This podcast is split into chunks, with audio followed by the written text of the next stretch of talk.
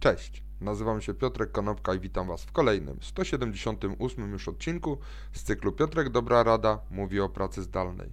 Dzisiaj powiem o 10 elementach, które spowodują, że praca zdalna będzie bezpieczna dla Was i dla Waszego pracodawcy. Przede wszystkim należy zadbać jako punkt numer jeden o fizyczne bezpieczeństwo. Czyli to nie jest tak, że e, jeżeli pracujecie, to wychodzicie z domu, zamykacie drzwi, okna i zostawiacie to wszystko tak, jak jest. Nie.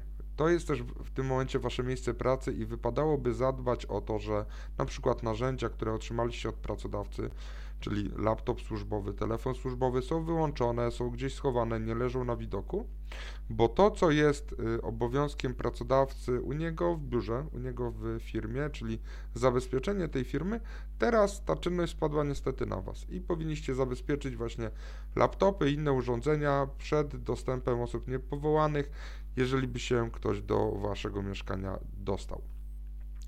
Po drugie, należy mieć bezpieczne połączenie, tak zwane VPN, czyli prywatne e, połączenie sieciowe do, bezpośrednio do struktury firmy.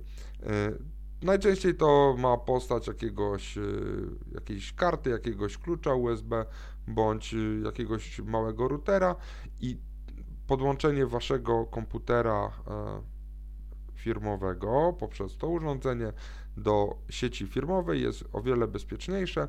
Należy też również mieć na uwadze to, że warto unikać publicznych sieci Wi-Fi, ponieważ przesyłając informacje dotyczące Waszej firmy poprzez te publiczne sieci, większość osób może mieć do nich dostęp.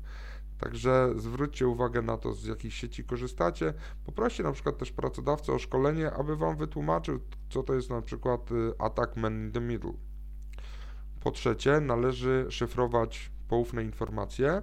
Jest to związane zarówno z bezpieczeństwem y, informacji firmowych, jak i to y, jest wymaganie związane najczęściej z kwestiami RODO.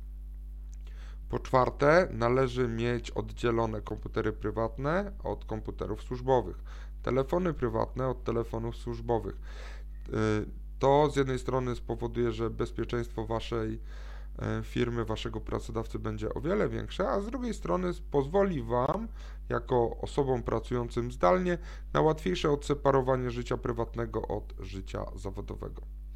Kolejnym elementem jest utrzymywanie wszystkich y, oprogramowań zaktualizowanych.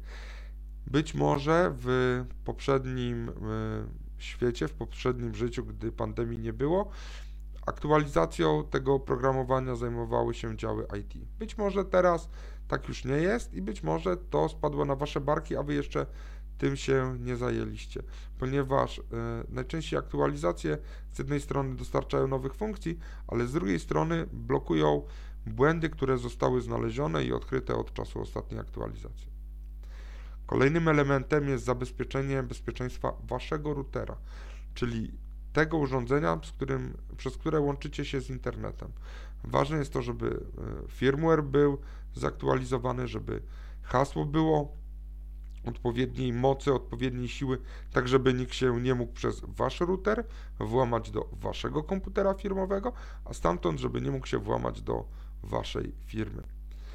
Oczywiście powinny być przestrzegane procedury backupu.